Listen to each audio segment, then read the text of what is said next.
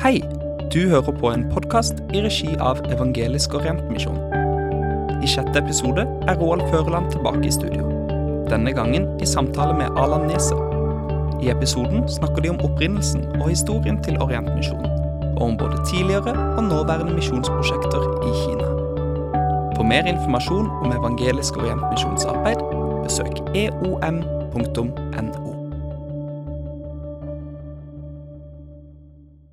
Da sier vi velkommen til podkast nummer seks i serien Evangelisk orientmisjon. Og i dag skal vi snakke litt om eh, våre prosjekter i Kina og vårt arbeid i Kina. Og det er meg, Roald Førland, og Allan Neset. som skal prøve å guide deg gjennom en halvtimes program med Orientmisjons arbeid i Kina gjennom mer enn 100 år. Så eh, Orientmisjonen var opprinnelig en kinamisjon. Eh, Orientmisjonen var faktisk talt ikke bare en kinamisjon, men Norges første kinamisjon. Og den heter det pretensiøse navnet Den. Norsk, norsk kinamisjon. Ja. Norsk, den norske Kinamisjonen. Den norske kinamisjonen, ja. ja Eh, det, og, og det har vi jo opplevd, at vi, vi, vi har alltid vært en liten organisasjon. Så når folk, når vi sier hva er Orientmisjonen, vi sier den, den gamle kinamisjonen, og så sier å ja, Sambandet, men det er det ikke, altså. For, for Sambandet ble jo Norges kinamisjonsforbund. Ja. Eh, Luthers Kinamisjonsforbund ja, heter de. Altså. et, de et år etter oss. ja, riktig. Det var to år etter oss, tror jeg. Ah, Det startet i 1889, Ja. og Misjonssambandet kom da i 1891. Men det er langt tilbake i tid. Ja, ja. Men allerede før det så var det to damer fra Kristiansand som fikk et kall fra Gud. De leste et misjonsblad som heter Asia's Millions på engelsk. Og det var noen sjøfolk som hadde tatt det med seg fra England. Og de leste dette bladet og fikk et kall om å reise til Kina. Og det var jo ikke småtteri den gangen. Nei, det var jo ikke det. Og det, og det er kanskje noe med, med damer at de er litt sånn de har litt, Bestemmer de seg for noe, så, så, så gjør de det. Ja. For det var jo ikke noe norsk Kina-misjon den gangen altså, organisert. Så de, de knytta seg bare til den, den engelske China Inland Mission og, og dro ut allerede i 1884. Ja, 1884, og dette skrev jo bok om da på norsk òg. Og det, det artige er jo det at de bodde i samme gata som, eh, som vi har kontor nå, i Dronningens gate. Eh, og de, eh, det som i dag er McDonald's-bygget, men eh, som da var residensen til en familie som heter Rasmussen den gangen. Eh, og de ble jo betydelig støttespiller for disse to damene som reiste ut. Eh, og når uh, Hudson Taylor kom til Norge, grunnleggeren av China Inland Mission, eller kom til Kristiania i 1889, så ble disse to damene knytta til eh, den norske Kinamisjonen. Altså. Så det, sånn var det. De aller første kinamisjonærene fra Norge kom altså fra eh, Kinamisjonen, eller fra og, det som i dag heter Orientmisjonen. Så sånn begynte det hele.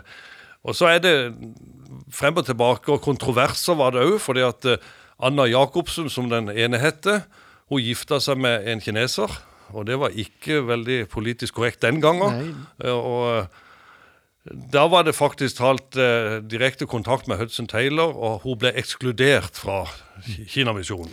Eller China Inland Mission. Det var veldig strenge regler for hvem du kunne gifte deg med, og når tid du kunne gjøre det, etter hvor lang tid, og, og sånne ting som det. Så det, det hang jo med i mange år faktisk oppover med, med disse reglene for det. ja. Ja, og hun andre som var blant de første, som het Sofie Reuter Uh, altså Når de reiste ut, så var de bare uh, 22 og 25 år, tror jeg.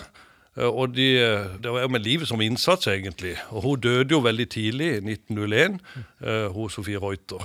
Så eh, det er jo en eh, spesiell historie vi har. Ja, da, og, og, det, det, det, ser vi jo på, på tidlig Kinamisjon, at de som dro ut, de regnet nok ikke med å komme hjem igjen, for å si det sånn.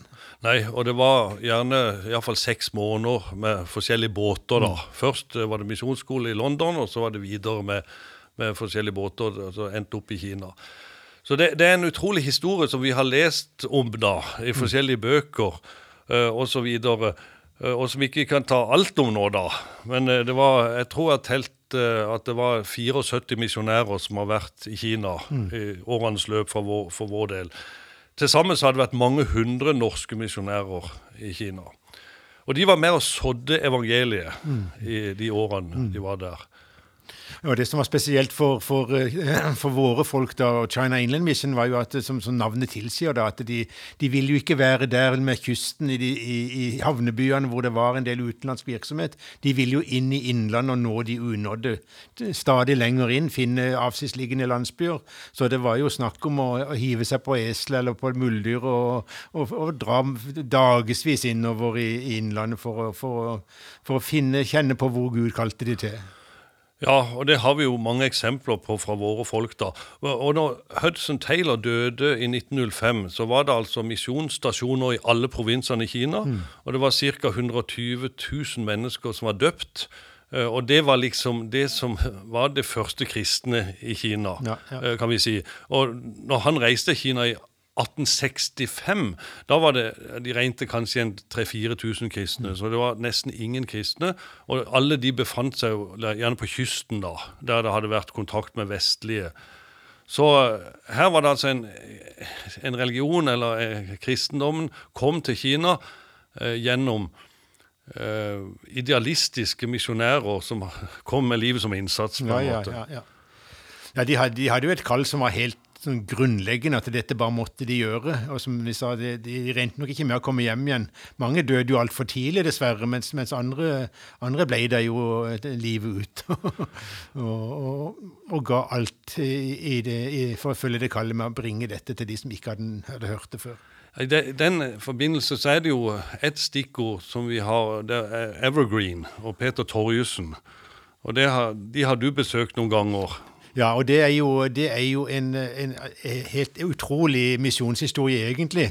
Den er faktisk talt så fascinerende at, at, på et tidspunkt så var det jo et, et TV-selskap i Kina som hadde lyst til å filme den, den historien. da. For å dra den litt kort, da, så, så, så handler jo det om at en av våre tidlige misjonærer, Peter Torjussen, også han fra Kristiansand. også han eh, men med en link til vår kontor i Dronningsgade. Han gikk, eh, ble med i en guttevekkelse på Yndlingeforeningen, der vi har kontor da, eh, som, som ung gutt. Han, han dro til opp til Hornes i Setesdalen for å høre Ludvig Hope tale om utfordringer fra Kina. Ble så fascinert at han ga alt han hadde av penger, og også skrev en lapp med 'Å mitt liv', som han la i kollektbøssa. Og vedkommende som telte opp kollekten, kjente igjen skriften og visste hvem det var, som tok vare på den lappen.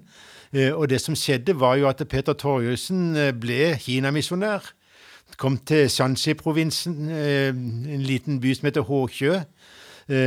Og når da krigen kom i, i, i 39, så, så, ble misjonærer og utlendinger bedt om å dra ut mot kysten for å sikre seg, men han sa at nei, jeg har et kall til å tjene mine nye landsmenn her. Jeg vil være her i Kina. Eh, og, og, og, og, opplevde da å bli, å bli, drept i absolutt første japanske bombeangrepet da, i 1939. da. Så da ble det jo faktisk talt at han ga sitt liv da. Og, og det som da skjedde seinere, var jo at, at vi visste jo ingenting om, om hva dette arbeidet skulle føre til. Så gikk det rett og slett 50 år ganske nøyaktig, til 1989. Da ble familien til Peter Torjussen kontakta av, av, av, myndighetene i provinsen her om, til, om, de kunne komme tilbake og gjenoppta arven etter Peter Torjussen. Ja, For han etterlot seg kone og fire barn? ikke sant? Han etterlot seg kone og fire ja. barn i Kina. da, og, og, Hun er også verdt å nevne Valborg, som også var fra Kristiansand. Tønnesen, ja. Tønnesen, ja, Tønnesen fra Kristiansand. Eh, selv om hun opplevde at mannen da ble drept, så, så var hun så, så dedikert til Kina, kaller hun også da, at hun dro først eh, til, til Amerika rett etter krigen. Eh, Starta flere kinesiske menigheter blant kinesere da i Chicago-området. Og så fort hun fikk anledning, dro hun tilbake til Taiwan og jobba med, med, kinesere som hadde dratt til Taiwan. Og var med og, og bygde menighet også der, og fikk et livslangt kall for kinesere da. Eh, men tilbake til, til, til, til Peter. Da, så Etter 50 år så, så, kom familien som sagt tilbake igjen. da, og, og Det viste seg at, at Peter Torjussen hadde stått på lista over folkets martyrer. Og Alt som har med folket å gjøre i Kina, det er veldig stas. Så, så lista over folkets martyrer fra krigen, den, den, den hang høyt. Og, og, vi opplevde jo da i 1989 at, at myndighetene i Kina bygde en bauta, et minnesmerke over Peter Torjussen, hvor de har skrevet skrevet at han kom fra Norge for å tjene sin gud og det kinesiske folk, og virkelig et vitnesbyrd. Og de fikk da lov til å komme tilbake og bygge opp en organisasjon som heter Evergreen, eh, som er eh, det engelske ordet for det, det, det, kinesiske navnet som Petter Torjussen tok da han flytta til Kina. Da. Og Den organisasjonen har jo flere av oss som har besøkt og sett et veldig rikt arbeid. Ja, det har vi begge to har vært på besøk. Ja, og, og det er jo fascinerende. fascinerende. Ja, ja. Veldig fascinerende. Og Eh, barna til Peter Torjussen engasjerte seg jo også i Kinamisjonen. Ja, da, du møtte jo Ed. Ja, ja, Edvard Torjussen, som, traff, eh, som, som, har skrevet en doktorgrad på Fredrik Fransson, faktisk. Han, han eh, han var, hadde også et livslangt kall til, til, til, Kina. Han bodde på Taiwan. Og, og også, eh, også, sønnen, da eh, Finn Torjussen, Finn, Finn ja. som, ja. som, ble leder av Evergreen. Da, han var jo også da veldig dedikert i dette arbeidet. Ja, Han har jo sin egen podkast der han forteller om sånne mirakuløse ting fra Kina. og Det skal vi ikke ta nå. Men eh, det, det er jo fascinerende med disse eh, misjonærene som reiste ut. Og, og, det var jo ikke alle som fikk se det så veldig resultatet av arbeidet. Altså Fram til 1949, eh, når misjonærene ble kasta ut av Kina, så regner man med at det var kanskje én million kristne. Mm. Eh, og så viser det seg det at det, eh, det som skjedde, var at de stengte alle kirkene. De, det var Alle kirker var stengt en periode. De brente bibler. Kristne pastorer ble satt i fengsel. Alle misjonærene ble kasta ut. Mm. Og så, og så, tenkte vi nå er den kristne troen død i Kina. For dette, det går ikke an å drive kristent arbeid uten misjonærer og uten kirker og uten noen ting. Men så, så viser det seg det etter alle de årene som vi skal komme tilbake til nå etter hvert, eh, så er det skjedd en enorm kirkevekst i mm. Kina. Så det er jo et enormt vitnesbyrd da. Ja da, det er jo, det er jo virkelig en misjonshistorie. og og glede seg over det som har skjedd i Kina. Ja, og, men det, det, er liksom veldig bismak i det når vi tenker på at veldig mange mennesker måtte dø for dette. Helt klart. helt klart. Har vi reflektert noe over det noen gang? Uh, ja, det har jo etter hvert nå, de senere årene spesielt, så har det jo blitt sånn uh, mer fokus på hva, hva, har, kost, hva, hva har misjonen kosta. For det er jo noen familietragedier, helt klart. Uh, samtidig som det er jo også vanskelig når ikke en ser resultatene Eh, det er klart, sånn som familien til Peter Torjussen, da, den nærmeste familien, må jo ha, må jo ha vært litt forundra over at, at, han skulle dø så ung. Eh, selv om han da som sagt hadde gitt sitt liv i kollekten. Eh, men, men når du ser i ettertid hva det har bidratt til av velsignelse, og hvilken enorm forskjell det har gjort for så ufattelig mange mennesker, så blir det jo litt mer meningsfylt. da, Men det er klart, det, det, har, det har, sine sider. Ja. Det, mange, veldig mange kjenner jo denne historikken når det gjelder kristendommens utvikling i Kina, eh, om eh, den enorme kirkeveksten. Det, det er vel i grunnen det vi sier verdenshistoriens største kirkevekst. Eh, og jeg har snakka med gamle Kina-misjonærer som sier jo det at det, det var nesten litt eh, sånn eh, vanskelig å akseptere for disse misjonærene. som da, Det var først når vi, når vi ble kasta ut, at den store kirkeveksten skjedde. Så, så det, det, det, har vært én refleksjon. Men på den andre side, da ble kirken en skal vi si, en kinesisk kirke. Også, og de har jo en sånn, Den offisielle kirke heter Tre Selvkirken. Mm. Altså det vil si selvfinansierende, selvutbredende og selvstyrende. Og som uh, hadde en enorm uh, kirkevekst. Og, og, I dag så regner man med at det er langt over 100 millioner kristne i Kina. Ja, men, eh, og jeg tenker Egentlig så er det jo bra å, å tenke på det at, at, eh, For det er jo litt bibelsk at noen skal så noe som andre skal høste. Mm. Eh, og det at Du kan ikke alltid beregne resultatet, men du skal få lov til å være med og, og bringe evangeliet ut i tro på at, at, det skal lykkes.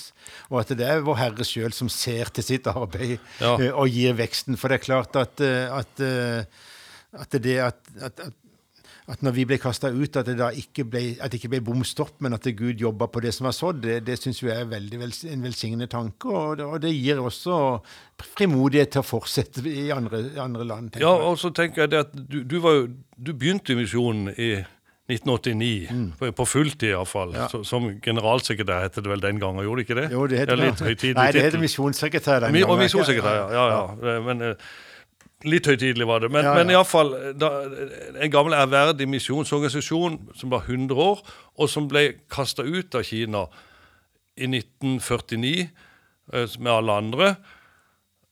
Og så ble det mulig å drive prosjekter igjen i Kina. Fortell litt om det. Eh, ja, altså I 1989 så hadde vi 100-årsjubileum og hadde besøk av James Hudson Taylor, den tredje. Eh, som jo var direkte etterkommer av han som, startet, som ga, ga groben for starten av misjonen. Da. Og han utfordrer oss på å tenke Kina igjen. da. Så i 1990 så dro han som var min forgjenger og meg, vi dro til, til Hongkong og besøkte besøkte et styremøte i noe nystarta som het Friends of China. Eh, som var en paraplyorganisasjon for organisasjoner som hadde lyst til å drive arbeid i Kina. Og Det var et såkalt teltmakervirksomhet, som var et ord som ble veldig mye brukt den, den tida der. da. Eh, der vi, eh, der vi jobba med å få inn folk som, enten, som skulle studere eller ta jobber, men som egentlig hadde lyst til å vitne om Jesus, men som måtte gjøre det på en litt fordekt måte. da. Og, og i 19 1993 da, så ble vi det som vi kalte for fullverdig medlem av den organisasjonen. da.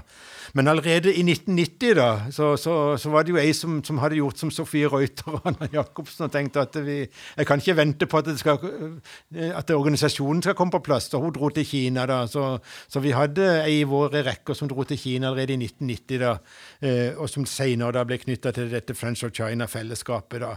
Eh, og det, eh, og en periode hadde vi, vi hadde en lengre periode fire heltidsteltmakere, kan du si, da, i Kina gjennom dette arbeidet i Friends of China, da, som, uh, som holdt på i en 25 års tid med å plassere I noen grad så var det litt fokus på å nå ut til minoritetsgrupper? Ja, vi, ganske fort så så vi at mange av de som, som, som kontakta oss i Friends of China å, med et kall til Kina, hadde kall til minoritetsgrupper. Både til Xining og inn mot det tibetanske området, men ikke minst også i Xinjiang-provinsen. Og, og, det var jo egentlig veldig bra, for det var på mange måter vanskelig for kinesere å nå ut til de store områdene. Ja, ja, ja, for kinesere er jo ikke veldig populære verken i Tibet Tibet eller i Xinjiang-provinsen. Nei, nei, nei. Så, så, det var veldig bra. Og, og, det var et, et, et, arbeid som vi så også frukter av ganske tidlig, at, det, at de fikk kontakt med, med, med disse minoritetene. da. Ja, så, så, Det å da starte opp igjen i Kina, det må jo vært en spesiell opplevelse? Ja, for det, det, var på mange måter en spesiell opplevelse. Både fordi at vi var den, en tidlig Kinamisjon, og fordi at, eh, at da var det ei dør på gløtt. Ja, Og så hadde, man drevet arbeid i Japan i 50-60 år. Ja, ja, Og det skal vi komme tilbake til en senere podkast. Men, men eh, så, så, liksom kom det i gang igjen i Kina. Og det var sånn du, når du begynte i misjonen, da, eh, noen og 30 år gammel, så var det liksom å kaste seg over arbeid i Kina. Ja, og det, og det, var, det, var, veldig, det var, veldig, meningsfullt for meg. Og, og, og, noe av virkelig motivasjonen den gangen kan jeg huske å se, se at vi igjen kunne få en, en, en fot inn i Kina. Ja. Eh, så det var, det var det var jo litt parallelt den gang jeg jobba i Åpne dører. Da ja, ja, og da, husker jeg Vi, vi drev jo og smugla bibler til Kina. Det var jo litt kontroversielt, men det var jo veldig spennende. Så veldig, vi følte veldig meningsfylt. Og det var begrensning på bibler mm. i Kina. Det, det begynte å trykke noen bibler, og nå trykkes det ganske mye bibler i Kina. Men uh, i løpet av de årene som jeg var i Åpne dører, så var det 174 mest ungdommer som reiste til Kina, kryssa grensa mer enn 5000 ganger og, og, leverte med flere hundre tusen bibler mm. inn i Kina. Ja, ja. Så vi var veldig engasjert av Kina, begge to, på, ja, på, på, på 90-tallet, husker jeg. Ja, da, og besøkte Samuel Lam. ja, ja, Samuel Lam som hadde sittet 20 år i fengsel for sin tro, og som var en veldig kjent person. og Det ble gitt ut uh, bok om han på norsk og på engelsk, og det var veldig mange sterke vitnesbyrd vi fikk uh, ja, kjennskap til. Og, og, det er klart, for Vi var jo begge unge den gangen, og, da, og det, det, å være ung misjonsarbeider og treffe en, en, fyr som han, det, var, det ga jo uslettelig inntrykk. Ja. Ja, det, det, er mange glimt å se tilbake på. Vi må snakke litt om uh, prosjektene i dag i Kina. Eh, for det at vi har jo fortsatt eh, arbeid i Kina. Jeg begynte jo i Orientmisjonen i eh, 2006. Eh, og kan kanskje bare si kort om det òg. Altså, grunnen til at vi endra navn selvfølgelig fra Den norske Kinamisjonen til Evangelisk Orientmisjon, det var jo naturlig nok fordi at vi ble kasta ut av Kina. Og så skal vi komme tilbake til prosjektene i Japan etter hvert. da. Men prosjektene i Kina i dag de er ikke så kjempestore, de heller, men vi liker og ønsker å tro at de er strategiske. Ja, ja, ja, ja. Si, li, si, litt om, de prosjektene vi har i dag. Ja, altså vi, vi, er jo fremdeles veldig opptatt av minoriteter, eller nå de unådd mest, mest de, minst nådde menneskene. da, og det er klart uh, Minoriteter i, i, uh, i Kina er jo sensitivt. Et, et sensitivt arbeid. For de er jo, for, for kinesiske myndigheter er jo, er jo, er jo på vakt både når det gjelder etniske minoriteter og religiøse minoriteter. Ja, og hvis, det, du da, hvis du da blir begge deler på en måte, så blir jo det veldig sensitivt. Ja, og Vi kan i grunnen si litt om det òg generelt. For det var jo en stor grad av åpenhet på 90-tallet og, Ja, ja, og 2000, og kanskje fram til 2010. Mm. Jeg husker jeg, jeg har jo vært i Kina nesten årlig i, siden 1989. men de siste årene har det blitt mer og mer stengt igjen. Men likevel så har vi noen prosjekter vi kan Mm. Ja, ja, ja, snakke om da. Ja, ja. Og, eh, ja, og når, du kom, når, du begynte, når du begynte i misjonen på fulltid, så er det klart at det, da hadde du noen kontakter som gjorde at vi fikk noen nye prosjekter også. da. Og så har vi jo hatt noen som på en måte har fulgt oss i ganske mange år. da. Blant annet har vi støtta et oversettelsesprosjekt eh, som har pågått i helt siden 80-tallet, faktisk. Sent 80-tall, eh, som, som- som sluttføres i disse dager. Håper vi, ja. Håper vi, Selvfølgelig. ja. Hele Bibelen oversatt til et spesielt minoritetsspråk da. Ja, ja. Og vi har vært engasjert i å nå ut til flere minoritetsgrupper med forskjellige typer prosjekter. Det, det gjelder bibeltrykking på minoritetsspråk. Ja, ja, ja. Og det er jo bibler som ikke kan trykkes inn i Kina. da. For det at de trykker kinesiske bibler i Kina, men dette med bibler på minoritetsspråk det er mye mer sensitivt. Mm. De har noen få minoritetsspråk de kan trykke også offisielt. Men uh, vi har også vært opptatt av det med minoriteter og bibeloversetting. Og så er dette med barn. Vi har støtta iallfall to barnehjem i Kina. Et i regi av Evergreen og et i regi av en annen organisasjon. Ja, og det, det er jo eh, Vi ser jo at mange barn har betydelig behov i Kina. Det, har jo, det, er jo litt, det henger litt sammen med den nettbarnspolitikken som gjorde at det uønskede barn ble satt bort. Og ikke minst eh, Det kunne være at det var jenter istedenfor gutter, men, men fremfor alt hvis det var noen med handikap, så var jo det eh, veldig lite ønska av veldig mange foreldre, og en litt kynisk måte å, å, å ta hånd om det på. Så, Ja. Vi kjenner, vi har jo møtt noen av disse barna som noen av de var satt vekk eh, på søppeldynge. altså. Ja da, og vi har jo sett, eh, sett eh, gatehjørner hvor det står plakater med at her kan du sette barn som ikke du Ja, så det, så det, er, sånn, det er en kynisme og eh, noe som er vanskelig for oss faktisk at å forholde Ja. oss til og forstå. Men iallfall altså, i Taiwan, husker jeg, med Evergreen der, der, der hadde de altså en, Det er en by på fire millioner mennesker. Der hadde de altså et sånt kontor der de kunne levere barn som var uønsket. ja. Eh, og da fikk de være på barnehjem da, og vokse opp. Sånn at de jeg tror det er blitt litt bedre nå, håper vi iallfall. Ja, ja, kan vi si. For at de har lov til å ha to barn, iallfall. Ja, ja. Og at det er ikke så omfattende, dette med barn eh, som blir satt vekk.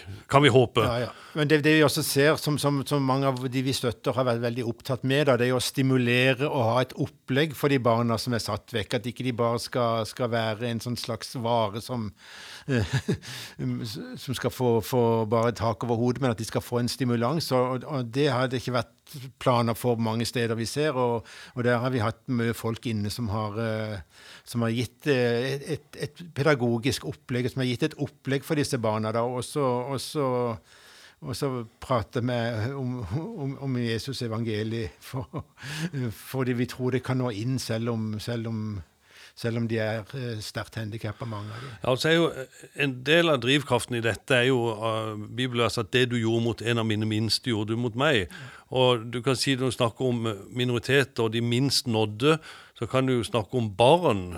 Altså Det er forbudt å undervise barn under 18 år i kristen tro, f.eks. Altså, det er jo på en måte noe som ligger innenfor vår visjon, å nå ut til barn i Kina med evangeliet. Så, og med, med jeg vi si bare livgivende hjelp. Eh, Og det er jo veldig sterke opplevelser vi har hatt i møte med disse Helt barna klart. Det, i Kina. det, det, det er nok kanskje det tøffeste og sterkeste, det å se et barn som har fått en, en viss eh, mimikk i fjeset, som har fått en viss måte å kommunisere på, eh, og som viser glede over å se det, og så vite at disse lå fastspente stort sett hele døgnet tidligere, og, og tenke på at dette er eh, faktisk talt I Evergreen-sammenheng så er jo dette en frukt av han som var villig til å gi sitt liv i kollektkorva og, og dra ut, og som, som da omkom, og som lå 50 år uten at vi visste noe om, om hva dette skulle bli til. Og, og se det resultatet er jo utrolig gripende.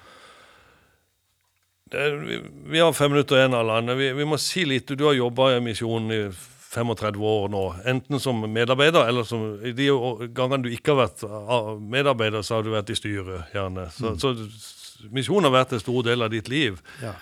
kan, hva, hva, er drivkraften her? ja, det kan du si. Uh, jeg er nok såpass uh, edruelig at jeg tenker at det har noe litt med et kall å gjøre, eller en, en dragning mot å jobbe med, med dette, da. Jeg begynte jo som, i såkalt heltidstjeneste i ganske ung alder og fikk beskjed av en, en, en lærer jeg studerte, kan jeg huske, som sa at kan du la være, så skal du la være. For, for de, som, de, som, er ment for dette, de vil, de vil ikke trives med noe annet. Og jeg har jo prøvd meg et par andre yrker innimellom, da, men, men, jeg har alltid hatt en dragning til, til å, å, å, jobbe med disse tingene. Da, og, og, det er det som jeg trives best med. da, og, og, det har vært eh, Det er to ting jeg tenker som har vært drivkraften. Det, det det det er veldig spennende, da, og det er veldig meningsfullt det er spennende, for du vet ikke hva som vil lykkes. og Det ser vi jo når vi ser tilbake på hvordan, hva det var som bar frukt, hva det var Gud kunne bruke. Så er det ikke alltid det var det vi trodde skulle bli til velsignelse. Det, det er spennende. Og så er det jo meningsfullt å, å, kunne gjøre en forskjell. Jobbe med noe der vi ser vi gjør en forskjell. Reise ut, møte, se prosjektene og se at mennesker har fått en hel ny livskvalitet. Det, det gir jo veldig mening, da. Og, og jeg må jo si det, etter 35 år så, så har det jo aldri vært så gøy som nå.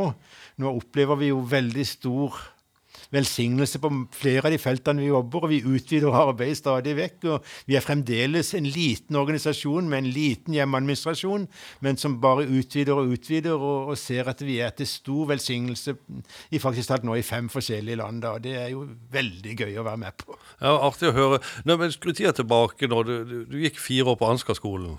Ja. Eh, og, og tenkte kanskje du ville bli pastor? Eller, ja, ja, det var jo det som var, det var, det som var planen. ja. og jeg har jo vært der også innimellom. da, Vært pastor i forskjellige sammenhenger. da, og også en periode som i, feltprest i Forsvaret og sånn, så jeg har jo kjent på den biten òg, da. Eh, men akkurat det med, med, Som du sa, da, at, at når, jeg var, når, jeg var, ute av misjonen, så var jeg, valgt, var jeg likevel med i styret for, for ikke miste helt sånn.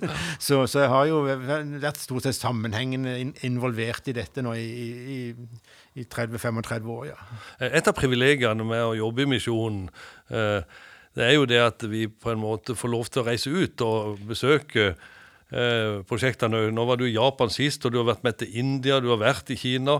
Du har ikke vært i Nord-Korea ennå, men, men, altså, men, men eh, hvis du kan trekke fram et sånn høydepunkt som du kommer på sånn intuitivt?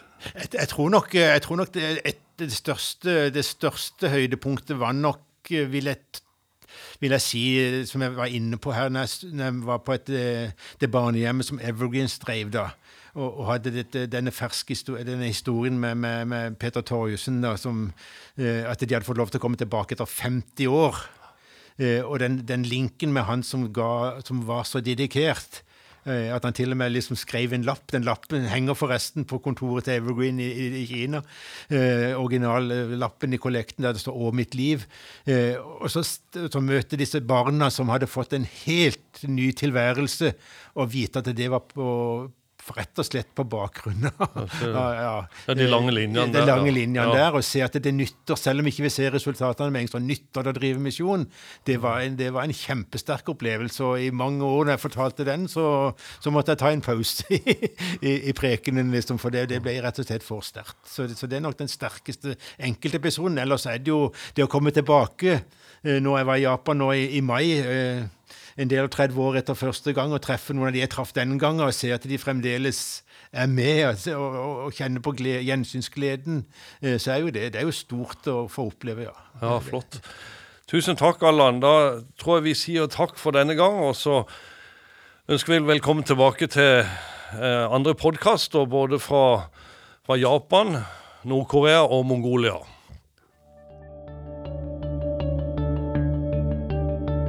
Tusen takk for at du hørte på Orientmisjons podkast. Denne episoden ble produsert i samarbeid med Karten Studio. For mer informasjon om Evangelisk Orientmisjons arbeid, besøk eom.no.